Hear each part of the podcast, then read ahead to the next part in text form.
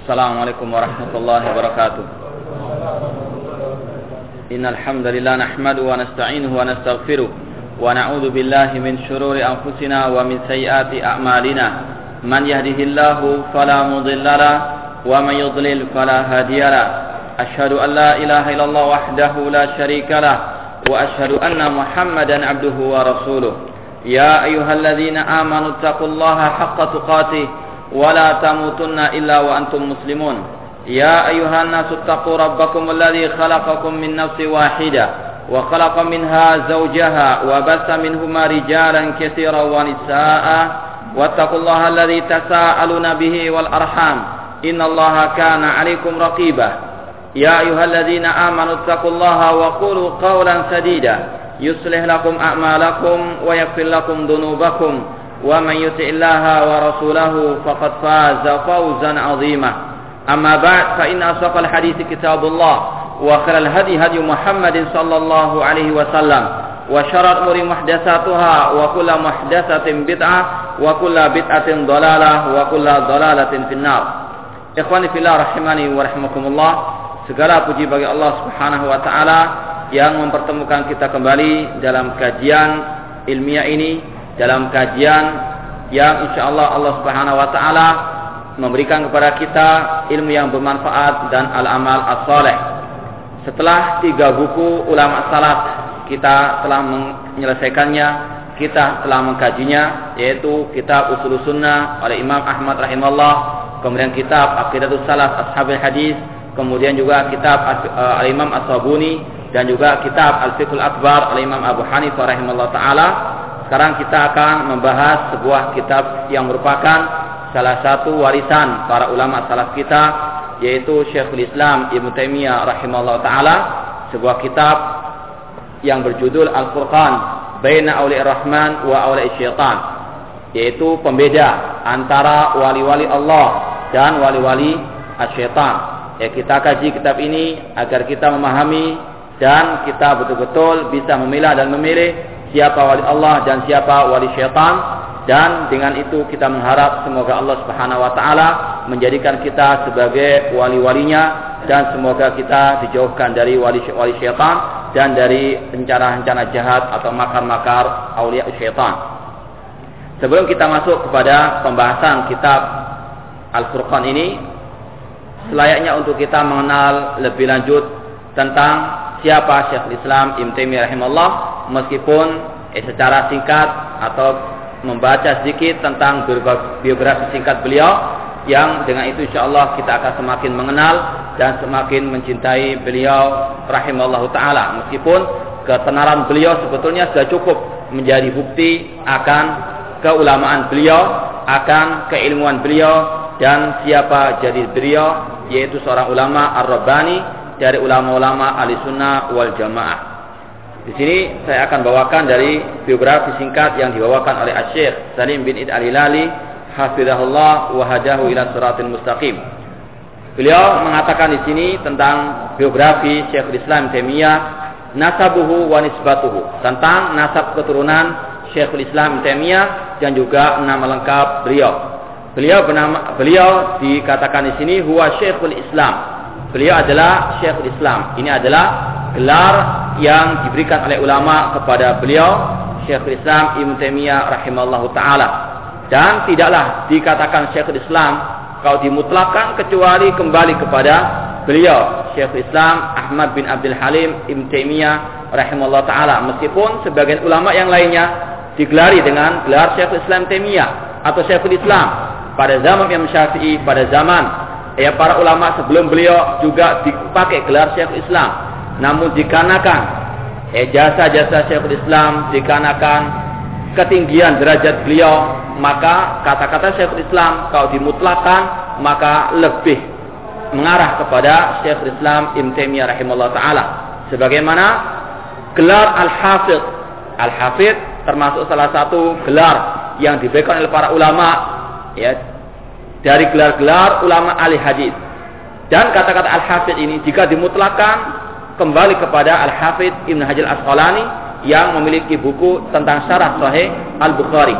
Eh, demikian pula dengan Syekhul Islam. Ini semuanya dikarenakan jasa-jasa mereka yang sangat amat banyak dan dikarenakan mereka betul-betul berada di atas sunnah Rasul Sallallahu Alaihi Wasallam, betul-betul memperjuangkan Islam yang murni, Islam yang berdasarkan Al-Quran maupun sunnah Rasul SAW sesuai dengan pemahaman para salafus soleh. Disebutkan oleh para ulama, kenapa digelari dengan Syekhul Islam? Ya, arti Syekhul Islam sendiri artinya Syekhun fil Islam. Yaitu kalau bisa diterjemahkan, itu tokohnya ya kaum muslimin, tokoh dalam di dalam Islam, tentunya tokoh di dalam kebenaran, tokoh dalam memperjuangkan Al-Quran dan Sunnah sesuai dengan metode para ulama salaf. Ya, dikatakan Syekh Islam artinya Syekhun fil Islam, waqad syabah atau dikatakan juga Syekh Islam, ya Syekh itu artinya orang tua yang sudah eh, beruban, yang sudah banyak makan eh, garam, banyak betul-betul mengarungi kehidupan keagamaan ini dengan betul-betul berlandaskan kepada al-haq kebenaran. Dan disebutkan oleh para ulama, eh di antaranya sabda Rasul SAW yang mana Rasul SAW bersabda, "Man syaba syaibatan fil Islam, kanat lahu nurun yaumal qiyamah." Rawahu Tirmidzi. Barang siapa yang dia beruban di dalam jalan Islam, maka baginya cahaya pada hari kiamat kelak. Ini disebutkan oleh para ulama dalam syarah hadis tersebut bahwasanya mereka-mereka yang berubah dikarenakan betul-betul memperjuangkan agama Allah, betul-betul mereka takut akan adab Allah Subhanahu wa taala, dikarenakan betul-betul ubannya itu tumbuh dikarenakan dia beribadah kepada Allah maka janjinya Nabi SAW mengatakan kanat lahu nurun yaumal qiyamah. Maka baginya cahaya pada hari kiamat kelak. Hadis riwayat ini dan disahihkan oleh Syekh Muhammad Nasruddin Al-Albani hafizahullah rahimallahu taala. Ini arti daripada Syekhul Islam yaitu tokoh manusia yang telah beruban dikarenakan memperjuangkan Islam, yang telah banyak makan garam dikarenakan ya, belajarnya dia, dikarenakan dakwahnya dia dan ibadahnya kepada Allah Subhanahu wa taala. Wa Syekhul Islam, Hafizul Anam, Al-Mujtahid fil Ahkam. Beliau adalah seorang ulama mujtahid dan sebagaimana dikatakan oleh Imam Az-Zahabi murid beliau dan juga para ulama yang lainnya, beliaulah seorang mujtahid al-mutlak yang berhak untuk betul-betul beristihad mengambil kesimpulan dari Al-Quran dan Sunnah Rasulullah SAW tentang hukum-hukum eh, di dalam agama Allah, di dalam kehidupan sehari-hari manusia. Dan tidak semudah yang dibayangkan menjadi seorang mujtahid. Seorang mujtahid adalah mereka-mereka yang betul-betul mumpuni eh, dalam masalah bahasa Arabnya, yang mumpuni dalam masalah Al-Qur'annya, yang mumpuni dalam masalah hadisnya, juga masalah usul fikihnya, fikihnya dan semua ya ilmu-ilmu agama dia kuasai, maka dialah yang berhak menjadi seorang al-mujtahid. Ini berlainan dengan eh, mujtahid-mujtahid yang bergentayangan di negeri kita ini. Menyusun majistar J seolah mujtahid. Padahal sebagian besar mereka terkadang tidak paham tentang bahasa Arab. Bagaimana menjadi seorang al-mujtahid? Namun begitulah mudahnya manusia di negeri kita untuk mengeluarkan manusia sebagai seorang alim sebagai seorang mujtahid.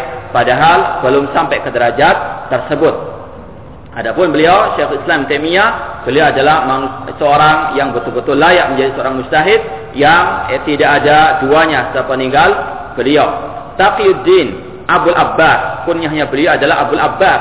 Eh, sudah kita sering eh, sampaikan bahwasanya kunyah merupakan sunnah Rasul Shallallahu Alaihi Wasallam. Takannau kata Rasulullah, berilah kalian diri kalian kunyah, yaitu sebuah nama yang diiringi didahului oleh Abu, ya kalau untuk laki-laki Abu beliau Rasulullah Abu Qasim, Abu Bakar.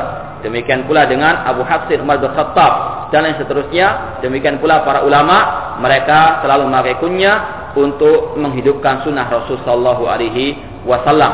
Eh, beliau adalah Abu Abbas. Nama beliau, nama Syekhul Islam di sini adalah Ahmad ibn Abdul Halim ibn Abdul Salam ibn Abdullah ibn Abdul Qasim ibn Khidir ibn Muhammad ibn Taimiyah al-Harrani al-Hambali sering disingkat dengan Syekhul Islam Ibnu Taimiyah. Eh disebutkan kata-kata Taimiyah.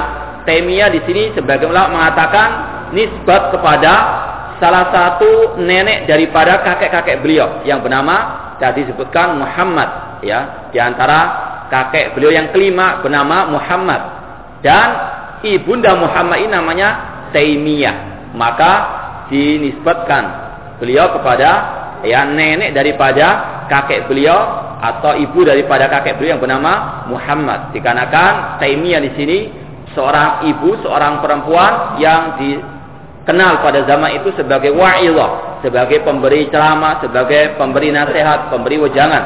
Ya, maka dinisbatkan keluarga beliau kepada Taimiyah, nisbat kepada eh, ibunda daripada kakek beliau yang kelima yang bernama Muhammad.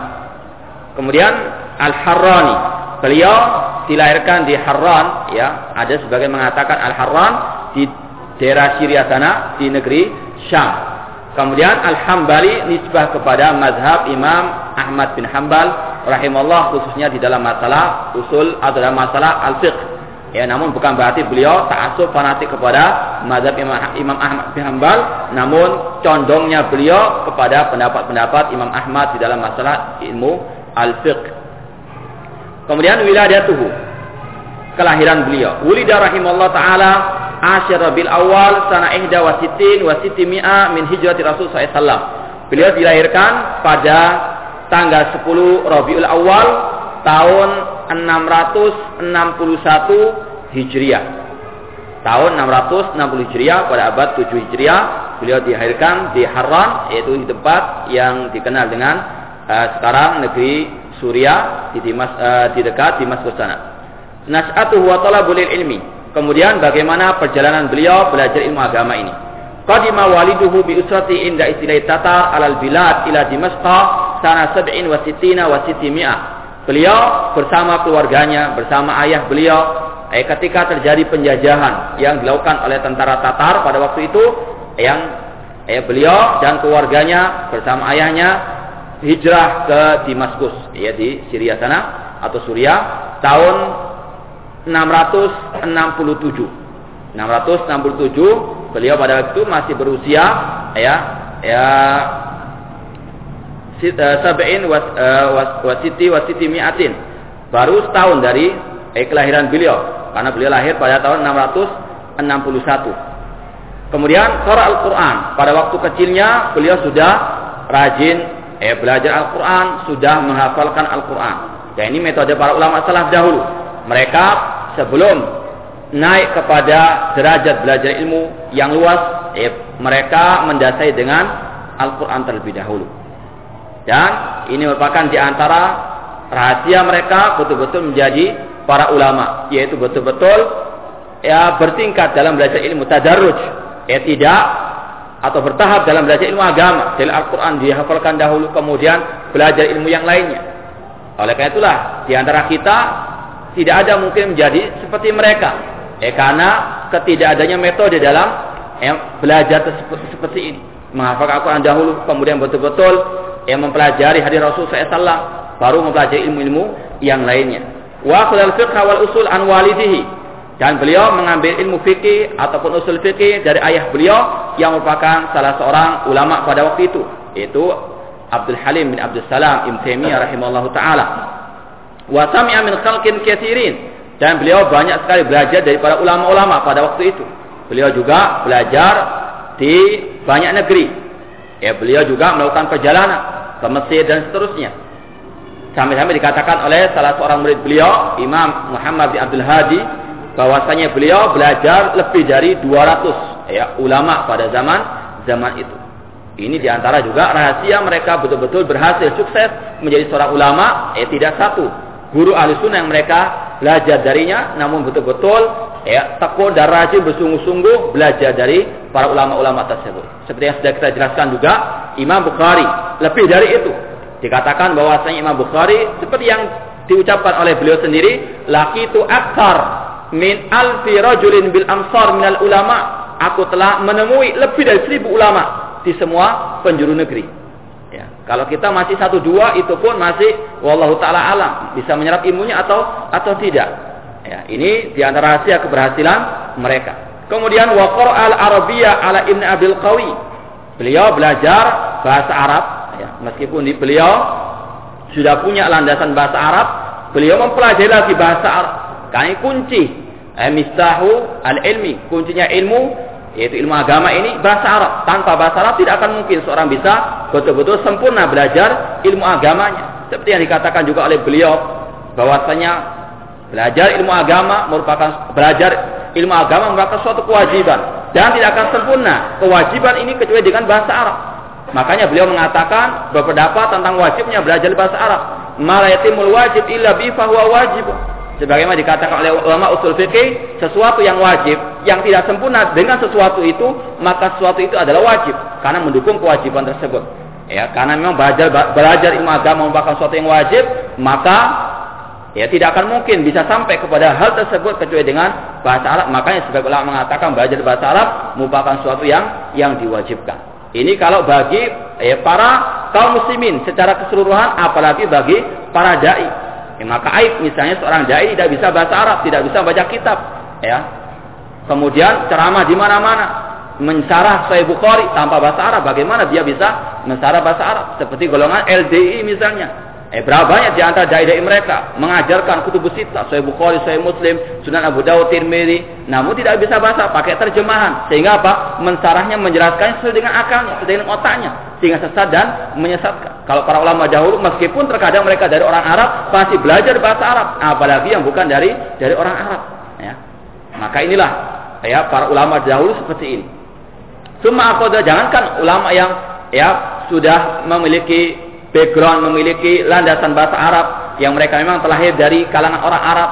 Ya, kalau kita lihat Imam Al Bukhari rahimahullah taala dari Bukhara, ya dari negeri Rusia dekat Rusia sana. Demikian juga Al Albani, ya dari Albania, dari Eropa sana. Namun mereka menjadi ulama di antaranya betul-betul pertama kali mereka menguasai bahasa Arab dan betul-betul mereka ya mempelajari ilmu agama ini dengan sebenarnya. Suma akodah kitab Sibawai. Kemudian beliau Syekhul Islam Taimiyah memperkuat ya masalah bahasanya dengan betul-betul mempelajari kitab Sibawai yang merupakan imamnya ahli nahwu. Fata'ammal wa fahima wa sadraka alaih. Betul-betul menguasainya. Wa unya bil hadis. Kemudian setelah itu beliau memperhatikan betul-betul takun dalam belajar al hadis. Wa sami'al kutub asitta. Beliau pun belajar dari para ulama-ulama tersebut kitab kutub asitta eh belajar dari ulama yang tahu bahasa Arab, bukan belajar dari eh seorang dai nggak bisa bahasa Arab lalu mengajarkan kutubus sita, maka saat menyesatkan. Adapun Syekhul Islam Taimiyah belajar kutubus sita dari para ulama, ya. Wal mustad demikian pula mendengarkan ya pengajian tentang mustad Imam Ahmad ya pada pada waktu itu yang diajarkan oleh para ulama marot eh bukan sekali beliau belajar kutubus sita, bukan sekali beliau belajar mustad. Dia rahasia para ulama terdahulu tidak pernah bosan-bosan untuk belajar. Diulang-ulangi. Meskipun sudah khatam, diulang lagi. Dan seterusnya. Seperti yang juga kita sampaikan dari ucapan Imam Al-Bukhari rahimahullah ta'ala ketika beliau ditanya tentang rahasia mengapa beliau betul-betul menjadi seorang imam ahli sunnah, imam dalam asal hadis. Dikatakan bikasatin nazar dengan banyak membaca, dengan banyak murajaah, dengan banyak mengulang-ulang pelajar. Syekhul Islam Taimiyah rahimahullah belajar kutubus sita tidak sekali dua kali, namun marrat berkali-kali wa akbala ala tafsir Al-Qur'anil Karim. Dan beliau pun belajar tafsir Al-Qur'an Karim. Fabaraza fihi. Dan beliau pun menjadi orang-orang yang tenar di dalam masa tafsir Al-Qur'an. Wa ahkama usul al-fiqh demikian pula beliau merupakan pakar dalam masalah usul fikih wal faraid dalam ilmu waris. Wal hisab dan juga ilmu perhitungan. Demikian pula masalah ilmu perbintangan. Ya. Syekhul Islam ya meskipun beliau ahli dalam masa ilmu perbintangan namun beliau orang yang paling menentang ya untuk ditentukannya hari raya lewat ilmu bintang tersebut lewat al-hisab. Ya karena beliau mengatakan itu tidak termasuk dan sangat menentang sunnah Rasul SAW yang berkaitan dengan masalah sumu li ru'yatihi wa aftiru li ru'yatihi kata Rasulullah puasalah kalian kalau melihat hilal jangan berbukalah beridul fitrilah kalau kalian sudah melihat hilal. Eh beliau menguasai ilmu-ilmu ini untuk membantah orang-orang yang menentang Al-Quran dengan ilmu yang mereka miliki tersebut. Dan beliau e, betul-betul pakar dalam ilmu aljabar, perhitungan atau matematika, wal muqabalah dan juga demikian masalah ilmu al-jidal. Ya, ilmu masalah debat, beliau adalah seorang ahli dalam perdebatan karena memang beliau ahli, memang betul-betul layak sebagai ahli dalam hal ini dan itu beliau buktikan dalam banyak majlis-majlis beliau untuk membantah ahli bidah dari kalangan Jahmiyah, kalangan Syiah ataupun kalangan Sufiyah Wa dzalika minal ulum dan masih lagi ilmu yang beliau kuasai. Bahkan dikatakan kalau Syekhul Islam misalnya mengajarkan tafsir seolah-olah manusia mengira beliau hanya tahu tentang tafsir saja karena sangat pakarnya beliau dalam masalah tafsir. Kalau beliau menjelaskan tentang masalah akidah seolah-olah beliau tidak mengetahui kecuali akidah saja. karena betul-betul beliau menguasai semua ilmu demi ilmu tersebut. Wa nadhara fil kalam wal falsafah. Demikian pula beliau belajar ilmu kalam, ilmu falsafat tujuannya untuk membantah ya, filosof, untuk membantah ahli kalam, untuk membantah orang-orang yang belajar filsafat tersebut. Karena memang secara asal diharamkan untuk kita belajar ilmu filsafat. Namun ini dibolehkan bagi mereka-mereka yang sudah menjadi alim, menjadi seorang ulama dan tujuannya untuk membantah mereka. Karena memang ilmu filsafat inilah yang menghancurkan kaum muslimin, yang menghancurkan akidah kaum muslimin. Syekh Islam belajar ilmu filsafat tujuannya untuk membantah orang-orang filsafat tersebut. Eh sudah kita pernah sampaikan ucapan Imam Syafi'i rahimahullah taala beliau mengatakan hukmi fi alil kalam an yudrabu fin bin ni'at ya hukuman yang aku berikan kepada orang yang belajar ilmu kalam yang menyebarkan ilmu kalam untuk mereka dipukul dengan rompa ya sepakat ulama al sunnah mengatakan haram belajar ilmu filsafat kecuali kalau untuk membantah dan betul-betul yang belajar itu ahlinya eh, seperti Syekhul Islam, Ibn Taimiyah dan beliau praktekkan bahwasanya ilmu filsafat tersebut digunakan untuk membantah orang-orangnya. Wa al ahli bahkan dikatakan beliau lebih canggih, lebih ahli daripada orang-orang yang sudah jadi filosof. Waradda ala wa akabirihim. Beliau membantah para pembesar-pembesar dari kelompok-kelompok filsafat tersebut.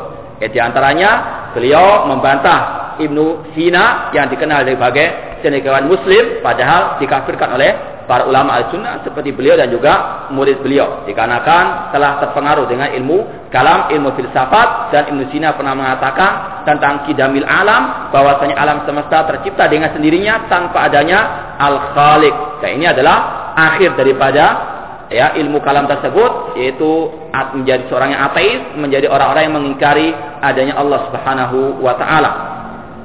Wa ta'ala lil fatwa wa tadris walau duna isina sana. Dan beliau sudah memberikan fatwa eh, kepada manusia di hadapan guru-guru beliau padahal waktu itu beliau masih usianya belum sampai 20 tahun. Ya meskipun baru kemarin sore masih ya muda belia namun beliau telah menguasai ilmu dan beliau pun telah mendapatkan rekomendasi dari guru-guru beliau eh dari para ulama pada waktu itu dan beliau memang layak meskipun masih berusia muda.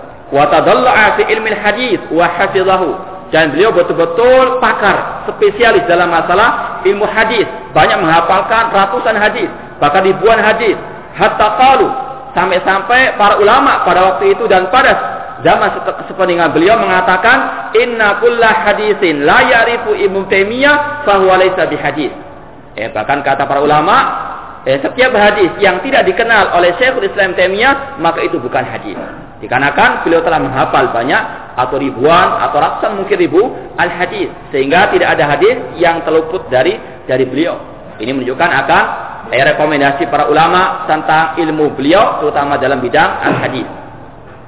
Wa amadahu Allah taala bi kasatil wa sur'atil wa quwwatil idrak wal fahmi wa nisyan dan Allah Subhanahu wa taala menganugerahi eh beliau dengan banyaknya kitab-kitab yang beliau karang dan juga Allah memberikan beliau cepatnya untuk menghafal dan kekuatan untuk menyimpan hafalan tersebut dan juga untuk memahami dengan cepat apa yang beliau hafal. Memang ini adalah anugerah karunia dari Allah yu'til hikmata man yasha. Itulah hikmah ilmu yang Allah berikan kepada siapa yang dia kehendaki dan memang inilah yang telah dijanjikan oleh Rasulullah SAW untuk Allah membangkitkan setiap satu abad seorang mujaddid, seorang reformis untuk memperbaharui agama ini artinya untuk menghidupkan kembali agama Allah yang telah banyak dilupakan oleh manusia menghidupkan kembali sunnah Rasul SAW yang telah banyak dimatikan oleh ahli bidah Nabi SAW dalam hadis riwayat Abu Dawud beliau bersabda Inna Allah yab'atsu ala ra'si kulli mi'ati sana man yujaddidu ma yujadil laha dinaha. Ya Allah yab'atsu li hadi ala li hadil ummah ala ra'si kulli mi'ati sana ma yujaddidu laha dinaha. Bahwasanya Allah akan membangkitkan akan mengutus pada setiap abad ya untuk umat ini untuk umat kaum muslimin setiap orang-orang yang akan memperbaharui agama Allah Subhanahu wa taala memperbaharui di sini maksudnya menghidupkan kembali sunnah Rasulullah SAW menghidupkan kembali metode salafus soleh yang telah banyak dilupakan oleh manusia. Dan di antaranya kata para ulama, Syekhul Islam Temia merupakan mujaddid pada abad ke-8 Al-Hijriyah. Hatta qala ghair wahidin. Eh, tentang masalah kuatnya hafalan dan kuatnya pemahaman beliau sampai-sampai dikatakan oleh para ulama Inna ulam yakun yahfad syai'an fayansa. Hampir-hampir beliau tidak pernah melupakan apa yang beliau telah menghafalkannya. Ini juga di antaranya dengan banyak berusaha menghafalkannya dengan banyak murojaah dan juga diiringi dengan takwa, dengan ibadah kepada Allah Subhanahu wa taala. Ya, tanpa takwa tidak akan mungkin seorang muslim, seorang talib ilmi penuntut ilmu agama bisa betul-betul menghafalkan, bisa betul-betul memahami Al-Quran maupun sunnah atau ilmu agama ini. Ya ayuhalladzina amanu in tattaqullaha ja'alakum furqana. Wahai orang yang beriman, jika kalian bertakwa kepada Allah, Allah akan berikan kepada kalian furqan, ilmu. Ya, sebagaimana juga kata Imam Syafi'i kepada Waqi guru beliau, syakautu ila waqi'in su'a hifdhi fa arsyadani ila tarkil ma'asi wa alam annal ilma nurun wa nurullahi la yuhdali asi. Ya, aku pernah mengadukan, mengeluhkan tentang kejelekan hafalanku kepada Imam Waqi guru beliau. Kemudian Imam Waqi mengajarkan untuk beliau meninggalkan segala bentuk maksiat dan mengatakan ketahuilah bahwa ilmu adalah cahaya Allah dan cahaya Allah tidak akan mungkin diberikan kepada pelaku kemaksiatan. Syekhul Islam diberikan kekuatan hafalan, kekuatan pemahaman, eh bukan hanya sekedar beliau menghafalkan begitu saja, namun juga beliau dikenal dengan orang-orang yang ahli ibadah, yang bertakwa kepada Allah Subhanahu wa taala. Kemudian masyahiru suyukhihi, di antara manusia-manusia yang berjasa kepada beliau, yang mengajarkan kepada beliau, ya, di antara guru-guru beliau sangat banyak, seperti yang sudah kita sampaikan, kata murid beliau, Muhammad bin Abdul Hadi, bahwasanya beliau memiliki lebih daripada 200 guru, di antaranya yang tenar, yaitu ayah beliau sendiri, waliduhu Abdul Halim ibnu Taimiyah, ya, rahimahullah taala, kemudian juga Syekh Zainuddin ibnu Manja, wa Al-Majdu ibnu Atakir dan juga ibnu Abil Yusri dan juga Abdurrahman Al-Maqdisi dan masih banyak lagi ulama-ulama yang tenar pada waktu beliau.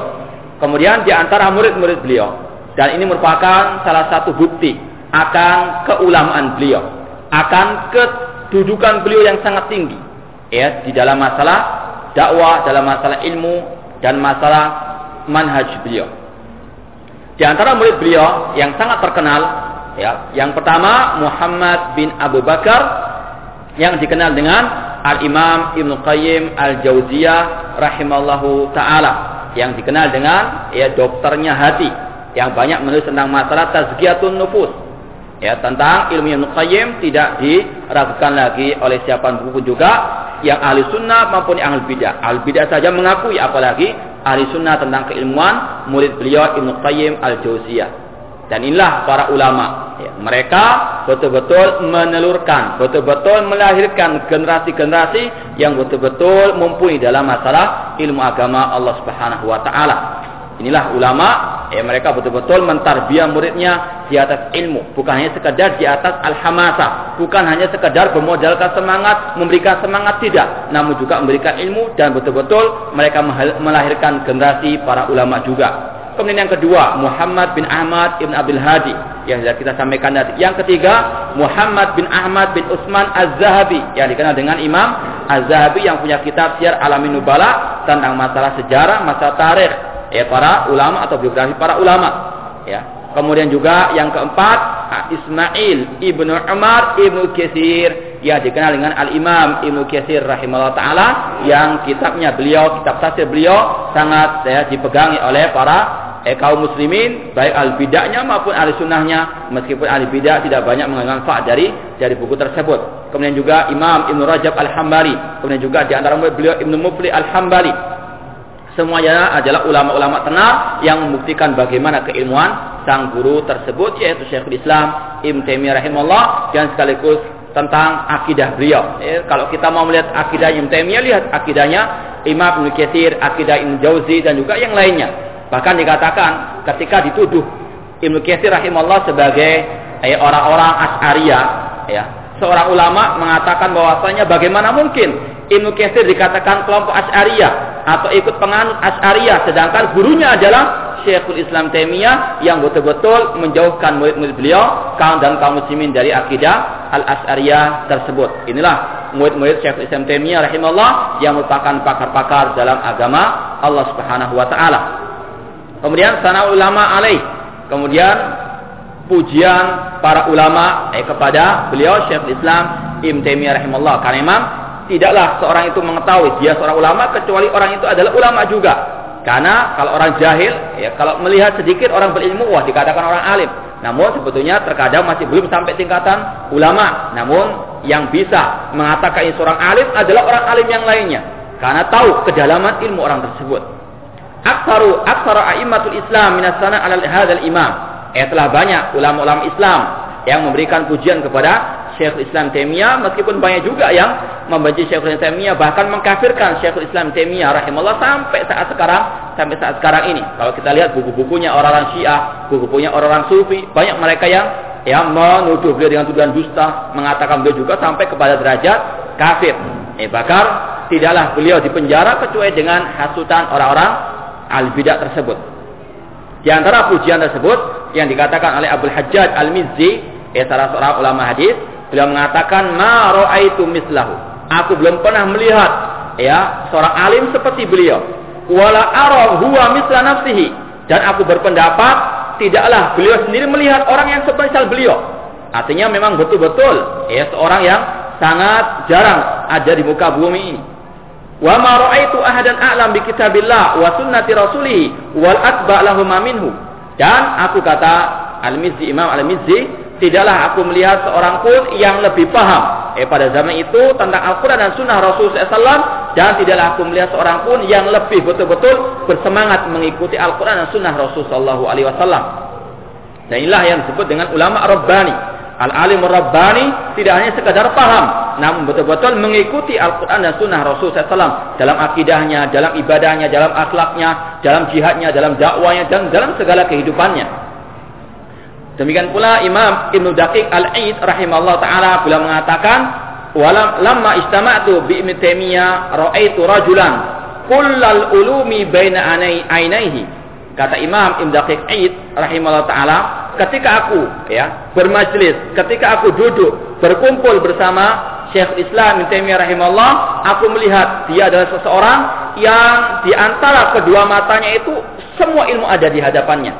Ya Kata beliau, ketika aku berkumpul, bermajlis, duduk bersama beliau, aku melihat beliau ada seseorang yang semua ilmu ada di antara kedua matanya. Ya aku mayurid, beliau mengambil apa yang beliau inginkan. Artinya kalau ditanya masalah fikih, tanya masalah usul fikih, langsung dijawab dengan eh dengan cepat. Eh, seolah-olah ilmunya itu sudah ada di hadapan matanya. Wa yada ma yurid dan beliau meninggalkan apa yang beliau tidak kehendaki untuk mengambilnya. Artinya semua ilmu beliau menguasainya. Wa qultu lahu ma kuntu adhunnu annallaha baqiya yakhluqu mislaka. Sampai-sampai aku mengatakan kepada, beliau, hampir-hampir Allah tidak akan mungkin menciptakan orang semisal anta wahai Syekh Islam Ibnu Taimiyah rahimahullah. Dan itulah yang terjadi ya sejak beliau meninggal dunia sampai saat sekarang eh belum ada yang bisa menggantikan beliau dalam keimaman beliau dalam masalah semua bidang ilmu agama Allah Subhanahu wa taala. Wa qala Ibnu Wardi, bahastu baina yaday yawman fa ma'na fakannani wa qabbala baina ainayya yumna seorang ulama bernama Ibnu Wardi ketika beliau membahas suatu permasalahan di hadapan beliau Syekh Islam Taimiyah kemudian beliau mendapatkan eh jawabannya maka Syekh Islam pun eh memuji beliau. Eh sebagai bentuk ketawaduan Syekh Islam Ibnu Taimiyah rahimahullah dan kebanggaan beliau kepada manusia-manusia yang betul-betul belajar ilmu agama. Kemudian dikatakan inna Ibnu Taimiyah fi kullil ulumi auhadu Sesungguhnya Imam Ibn Taimiyah rahimahullah dalam setiap ilmu merupakan pakarnya. Ahyaita dina Ahmada wa syara'ahu ya Ahmad ya Ahmadu. Engkau wahai Syekhul Islam Taimiyah merupakan orang yang betul-betul menghidupkan agama Nabi Muhammad SAW dan syariat Nabi Muhammad Sallallahu Alaihi Wasallam. Ya, kemudian disebutkan di sini tentang karangan-karangan beliau yang sangat banyak sampai dikatakan bahwasanya kata murid beliau sendiri Imam Az-Zahabi hampir-hampir karangan beliau sampai 500 jilid. Ya. Kalau kita lihat saja eh, punya Majmu' Fatawa yang berjumlah 30 jilid. Kemudian juga Minhajus Sunnah, adanya Darut Ta'aruf ala Keluwanat, ya kutub-kutub atau kitab-kitab beliau sangat banyak dan semuanya lebih condong kepada pembahasan masalah al-aqidah, baik akidah yang bersifat mujmal global seperti kitab beliau Syekh uh, akidah wasitiyah yang sangat penting untuk dikaji oleh seorang penuntut ilmu agama, seorang muslim untuk mengenal secara global uh, akidah al-sunnah wal jamaah. Demikian pula ada akidah-akidah yang beliau karang yang tujuannya untuk membantah alil bidah. Eh, di antaranya Minhajus Sunnah An-Nabawiyah yang merupakan kitab yang tidak ada tuanya tentang masalah bantahan terhadap Asyi'ar Rafidah. Eh, kemudian juga beliau punya kitab yang berjudul Dar Uta'arudil Aqli wan Nakal untuk membaca membantah orang-orang Mu'tazilah yang suka mengandalkan, mengkultuskan, mendewakan akalnya. Demikian pula beliau punya kitab As-Sarimul Maslul ala Syatim Rasul ya kitab yang ditujukan kepada mereka-mereka yang memperoleh agama Allah, yang memperoleh sunnah Rasul Wasallam. Demikian pula beliau memiliki kitab Al-Jawabul As-Sahih liman baddala dinal masih yang ditujukan untuk orang-orang Nasara, membantah orang-orang Nasara. Demikian pula beliau memiliki kitab Bayan Talbisil Jahmiyah untuk membantah kelompok Al-Jahmiyah. Dan masih banyak lagi yang lainnya. Kemudian disebutkan tentang wafatnya beliau Tufiya rahimallah bukrata yaumil isnin. Beliau meninggal dunia pada hari Senin atau pagi hari Senin al-isrina min dzulqa'dah al-haram. Eh pada tanggal 20 Dzulqa'dah tahun 728 Hijriah. Eh kurang lebih usia beliau 67 tahun, eh kurang lebih 63 tahun. Sajinan madluman fi qal'ati Dimash. Eh beliau meninggal dunia dalam keadaan di penjara dalam keadaan terzalimi. Sudah kita sampaikan tadi Beliau beberapa kali di penjara. Eh, dikarenakan hasutan, iri dan dengki yang dimiliki oleh al-bidah ketika mereka berdebat dengan beliau tidak bisa menang. Eh, dan beliau selalu mengalahkan hujah-hujah mereka. Maka al-bidah pada waktu itu menghasut eh, pemerintahan pada waktu itu, pemimpin pada waktu itu untuk menjara beliau. Eh, sampai berapa kali? Empat kali lebih beliau di penjara dan yang terakhir beliau di penjara karena hasutan orang-orang sufi yang ya, menuduh beliau tidak membolehkan ziarah ke kubur Nabi Sallallahu Alaihi Wasallam. Ini adalah tuduhan dusta al bidah kepada ahlu sunnah wal jamaah kepada khususnya Syekh Islam Ibn Taimiyah rahimallahu taala. Pada akhirnya beliau dipenjara dikarenakan tuduhan beliau katanya kata mereka mengharamkan untuk berziarah ke kubur Nabi SAW. Padahal yang beliau larang itu syadur rehal, wisata religius safar ke kuburan Nabi SAW untuk ziarah ke kuburan Nabi SAW. Ya, adapun secara umum ziarah kubur, ziarah ke kuburan Nabi SAW dibolehkan. Namun yang dilarang oleh beliau adalah syadur rehal, yaitu jauh-jauh misalnya orang jemaah haji di Indonesia mau ke Madinah tujuan pertama kali untuk ziarah kubur Nabi. Ini diharamkan. Adapun kalau sudah sampai di sana pertama kali harus orang itu berniat untuk ya niat berziarah ke Masjid An-Nabi yaitu Masjid An-Nabawi yang mana Nabi SAW mengatakan la tusyaddur rihal illa ila salasati masajid. Tidak boleh orang itu wisata religius kecuali kepada tiga tempat. Al-Masjid Haram di Mekah wal Masjid Nabawi di Al-Madinah dan Al-Masjid Aqsa ini yang dibolehkan orang itu jauh-jauh safar berpergian jauh dengan tujuan berziarah ke tiga tempat masjid tersebut. Adapun ke selain tiga masjid tersebut di tempat-tempat meskipun itu kuburan Nabi atau kuburan wali maka diharamkan oleh Nabi Shallallahu Alaihi Wasallam. Itu yang diharamkan oleh Syekhul Islam Taimiyah sesuai dengan dasar hadis tadi. Namun al bidah mereka menyalahgunakan ucapan Syekh Taimiyah dan mereka menyimpangkan dari makna yang sebenarnya. Mereka mengatakan bahwanya Syekhul Islam mengharamkan ziarah ke kuburan Nabi Sallam maka beliau pun dipenjara sampai beliau meninggal dunia di eh, penjara di Damaskus sana dan banyak lagi tujuan-tujuan tujuan-tujuan dusta yang dilontarkan al bidah kepada beliau seperti yang sudah kita sampaikan kemarin yaitu beliau dituduh sebagai orang yang musyabbiha yang menyerupakan Allah dengan makhluknya. Katanya bahwanya Ibnu Ibnu Batuta pernah menyaksikan beliau turun dari mimbar Jumat ya di Masjid Jami di Damaskus saya mengatakan turunnya aku dari mimbar seperti turunnya turunnya Allah dari ke langit bumi seperti turunnya aku dari mimbar padahal ini adalah tuduhan yang yang dusta dan ini adalah kebiasaan al-bidah ketika mereka tidak bisa untuk menghadapi hujahnya ahli sunnah yang ada adalah tuduhan-tuduhan dusta. Saji dan Madlumah fi Dimas. Beliau meninggal dunia dalam keadaan terpenjara di penjara dan didolimi oleh orang-orang al-bidah pada waktu itu. Hamdan liliwa'il haqqi adon ala rayatin manhaji sarafi bin nawajid.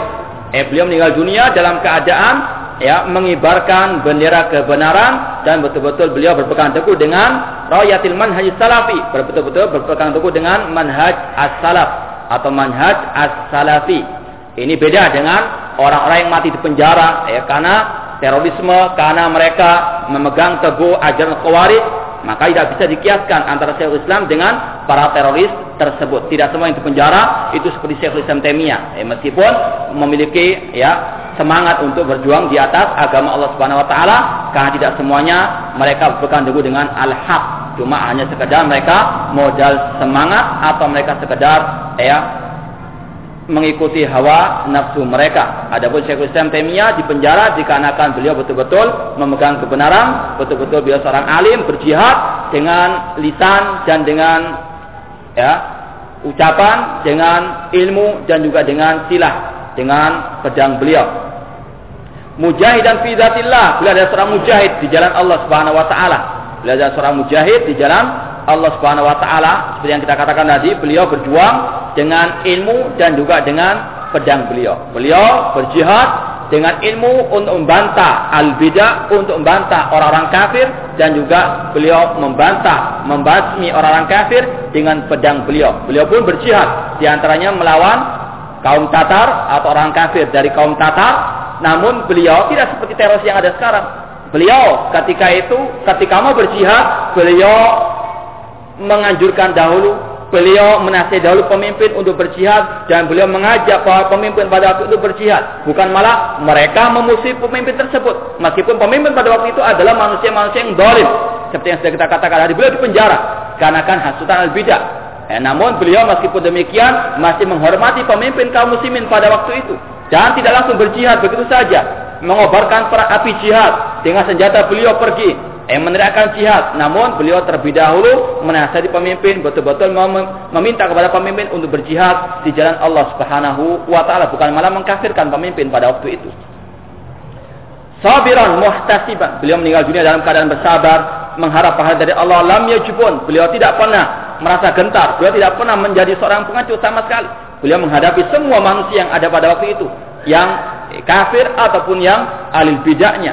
Walam yahlau dan beliau pun tidak pernah berkeluh kesah. Beliau betul-betul menghadapi semuanya di jalan Allah dengan ikhlas dan dengan penuh kesabaran. Walam yaj'uf dan tidak pernah lemah beliau menghadapi manusia pada waktu itu. Bahkan rahimallahu taala ila hini wafati mustaghlan billah an jam'i ma.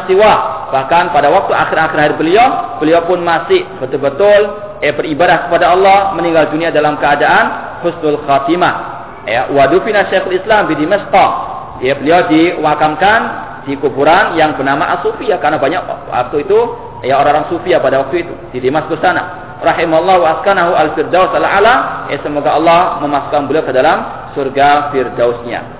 Wa jama'ana wa iyyahu fi illiyin ma'an dan semoga Allah mengumpulkan kita bersama beliau di ilin surga yang tinggi sana bersama nabiyyin. Wasiddiqin wasyuhada wassalihin wa hasuna ulaika rafiqa ini biografi singkat tentang Syekhul Islam Ibn Taimiyah rahimahullah meskipun sangat panjang kalau kita baca semua tentang masalah biografi beliau tentang masalah perjuangan beliau dan masalah dakwah beliau ya kita sedikit masuk kepada pembahasan mukaddimah Syekh Islam Ibn Taimiyah rahimallahu taala. Eh, di sini dikatakan oleh beliau setelah basmalah ini merupakan kebiasaan para ulama ketika menulis kitab-kitab mereka yaitu memulai dengan basmalah sebagai bentuk mengikuti Al-Qur'an Karim, mengikuti jejak Rasul SAW ketika menulis surat kepada para eh, penguasa yang kafir pada waktu itu dengan menulis Al-Basmalah. Kemudian beliau memulai dengan ucapan Alhamdulillahi nasta'inuhu wa nastahdi wa nastaghfiruhu wa na'udzu billahi min syururi anfusina wa min sayyiati a'malina man yahdihillahu fala mudhillalah wa man yudlil fala hadiyalah wa nashhadu an la ilaha illallah wahdahu la syarikalah wa nashhadu anna muhammadan abduhu wa rasuluh ini yang dikenal dengan istilah khutbatul hajah dan inilah yang sering kita sampaikan setiap kali kita memulai pengajian, memulai khutbah Jumat, memulai khutbah Idul Adha, Idul Fitri atau pengajian rutin atau yang lainnya. Dan ini juga merupakan sunnah Rasul Shallallahu Alaihi Wasallam. Oleh karena itulah kita mengikuti dan terus akan mengikuti jejak Rasul Sallam sesuai dengan kemampuan kita. Ya. Yang kita sampaikan alhamdulillah ketika awal pengajian ini bukan karangan kita, ini bukan eh, karangan para ulama, namun inilah yang telah dipakai dan telah eh dijalankan oleh Rasul dan para ulama. Di antaranya Syekhul Islam Taimiyah dalam kitab beliau ini meskipun eh tidak sama persis betul dengan apa lafadznya dalam hadis Rasulullah SAW, namun inilah kurang lebih khutbatul hajah yang disampaikan oleh Rasulullah SAW pada setiap khutbah beliau. Bahkan dikatakan oleh Abdullah bin Mas'ud radhiallahu anhu dalam kitab Sunan Abi Dawud, Abdullah bin Mas'ud mengatakan, "Kana Rasulullah SAW allamana khutbatul hajah fin nikah wa ghairihi." Dahulu Rasul mengajarkan kepada kita khutbatul hajah, yaitu tadi alhamdulillah pada waktu ya khutbatul nikah dan selain nikah. Artinya dalam setiap acara beliau, setiap pengajian beliau, setiap eh, ceramah beliau, eh, kebanyakan beliau memakai khutbatul al hajah. Makanya kita sering menghidupkan ini hal ini agar kita betul-betul menjadi pengikut Rasul Shallallahu Alaihi Wasallam. Eh, meskipun ini hukumnya bukan sesuatu yang wajib, namun inilah salah satu bentuk kita menghidupkan sunnah Rasul Shallallahu Alaihi Wasallam yaitu di dalam kita memberikan ceramah ataupun khutbah. Dikarenakan juga sebetulnya kalau kita merenungkan ya makna daripada khutbatul hajah ini sangat berharga dan penuh dengan pelajaran yang sangat penting. Ya di dalamnya ada miftahus sa'adah, kuncinya kebahagiaan. Di dalamnya juga ada miftahu al-jannah, kuncinya surga Allah Subhanahu wa taala. Insyaallah kita akan ya pelajari sedikit demi sedikit tentang makna khutbatul hajah tersebut. Dan di antara yang menunjukkan tentang kedudukan khutbatul hajah yaitu sebuah kisah yang dibawakan oleh Imam Muslim rahimahullah taala. Ya, sebuah kisah yaitu tentang salah seorang dahulunya dia adalah seorang eh kalau bisa dikatakan pakar ruqyah, namun ruqyah ala jahiliyah. Ya, seorang yang bernama Zimad bin Sa'laba al-Azdi dari Yaman sana dari eh, Bani Azdi Sanu'a Beliau waktu itu datang ke kota Mekah dan mendengar kaum musyrikin mengatakan Nabi Muhammad itu majnun, orang yang gila. Dimat bin Salaba karena dia spesialis pakar rukyah namun ala jahiliyah, dia memiliki pikiran bagaimana kalau aku merukyah Nabi Muhammad SAW yang dikatakan dia sebagai seorang yang yang gila karena dia pakarnya. Dan dia mengatakan mungkin dengan pengobatanku ini, dengan rukyahku ini Allah akan menyembuhkan Muhammad yang dikatakan gila itu. Maka dia pun ingin mendatangi Nabi Muhammad Sallallahu Alaihi Wasallam. Setelah beliau bertemu, Dimat bin Salabah mengatakan, Ya Muhammad, aku ini adalah pakar dalam masalah rukyah. Apakah engkau ingin aku untuk merukyahmu? Maka Nabi menjawab dan memulai jawabannya dengan Innal hamdalillah nahmaduhu wa nasta'inu wa wa sampai yang terakhir tadi Kemudian setelah mendengar itu, Jimat bin Salah mengatakan, ulangi ucapan tadi wahai Muhammad. Diulangi Rasul. Dikatakan lagi, ulangi wahai Muhammad. Sampai tiga kali, kemudian Jimat mengatakan, wahai Muhammad, aku telah mendengar semua ucapan para dukun, aku telah mendengar semua ucapan eh paranormal, ucapannya tukang sihir, para penyair, namun aku belum pernah mendengar ucapan ini. Maka baiklah aku untuk masuk ke dalam agama Allah, kepada agama Islam. Masuknya di bin Sa'lab seorang sahabat Rasulullah dikarenakan khutbah itu apa? Khutbatul hajah.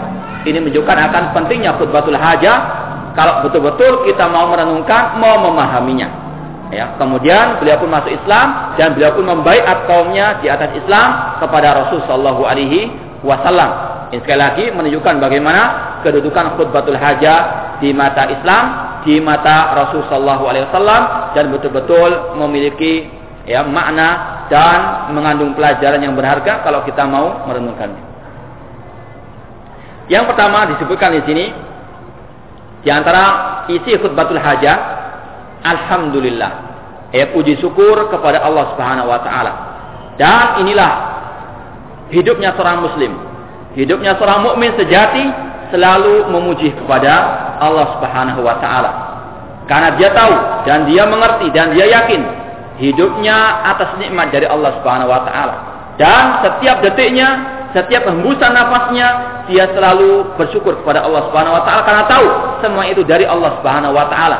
Dia tahu nikmat Allah sangat amat luas, sangat amat banyak tidak hanya disempitkan oleh harta, tidak disempitkan hanya kedudukan. Semua yang ada di dalam dirinya adalah nikmat dari Allah. Wa fi anfusikum afala tubsirun. Dan di dalam diri kalian, apakah mereka tidak mau memikirkannya? Apa kalian tidak mau merenungkannya? Semua adalah nikmat dari Allah. Dan Allah telah memerintahkan Fadkuruni azkurkum washkuruli wala takfurun. Berzikirlah kepadaku, ingatlah kepadaku, aku akan mengingat kalian dan bersyukurlah kepadaku, aku akan wala takun dan janganlah kalian mengkufuri nikmatku. Dan di antara bentuk syukur seorang muslim yaitu syukur dengan lisan, memuji Allah Subhanahu wa taala. Wa amma bi ni'mati rabbika fahadits. Adapun dengan nikmat Rabbmu maka ceritakanlah, maka pujilah Allah Subhanahu wa taala. Syukur terangkai dari tiga hal. Syukur dengan hati kita, dengan meyakini semuanya datangnya dari Allah Subhanahu wa taala. Kemudian yang kedua, dengan kita mengucapkan alhamdulillah dan juga dengan kita menggunakan nikmat tersebut di atas ibadah kepada Allah Subhanahu wa taala. Eh kalau kita perhatikan, eh Nabi asal mengajarkan kepada kita doa untuk bersyukur kepada Allah ketika kita selesai makan. Kita diajarkan untuk bersyukur kepada Allah karena makanan yang kita makan itu dari Allah Subhanahu wa taala, bukan dari hasil jerih payah kita. Itu hanya sekedar usaha yang kalau tanpa petunjuk, tanpa pertolongan dari Allah tidak akan mungkin kita bisa mendapatkan rezeki tersebut. Kita diajarkan doa setelah selesai makan, alhamdulillahilladzi at'amani hadza wa razaqanihi min ghairi haulin minni wa Alhamdulillah.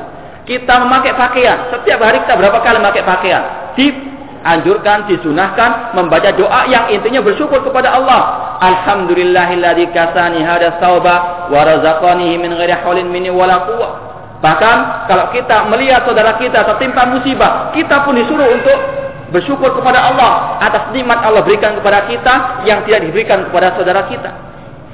Allah Nabi mengajarkan doa kalau kita melihat saudara kita tertimpa musibah, alhamdulillahilladzi afani mimma ibtalakallahu bihi wa faddalani ala katsir mimman khalaqa tafdila. Banyak sekali doa-doa yang intinya kita diperintahkan, dianjurkan untuk bersyukur kepada Allah Subhanahu wa taala. Hidupnya seorang mukmin, muslim betul-betul bersyukur, betul-betul memuji Allah Subhanahu wa taala. Dan inilah kunci kebahagiaan seorang muslim yaitu betul-betul bersyukur atas nikmat yang Allah berikan kepada kepadanya. Ya mungkin yang bisa kita sampaikan insyaallah kita lanjutkan pada pertemuan yang akan datang wallahu taala wa akhiru da'wana alhamdulillahirabbil alamin Wassalamualaikum warahmatullahi wabarakatuh.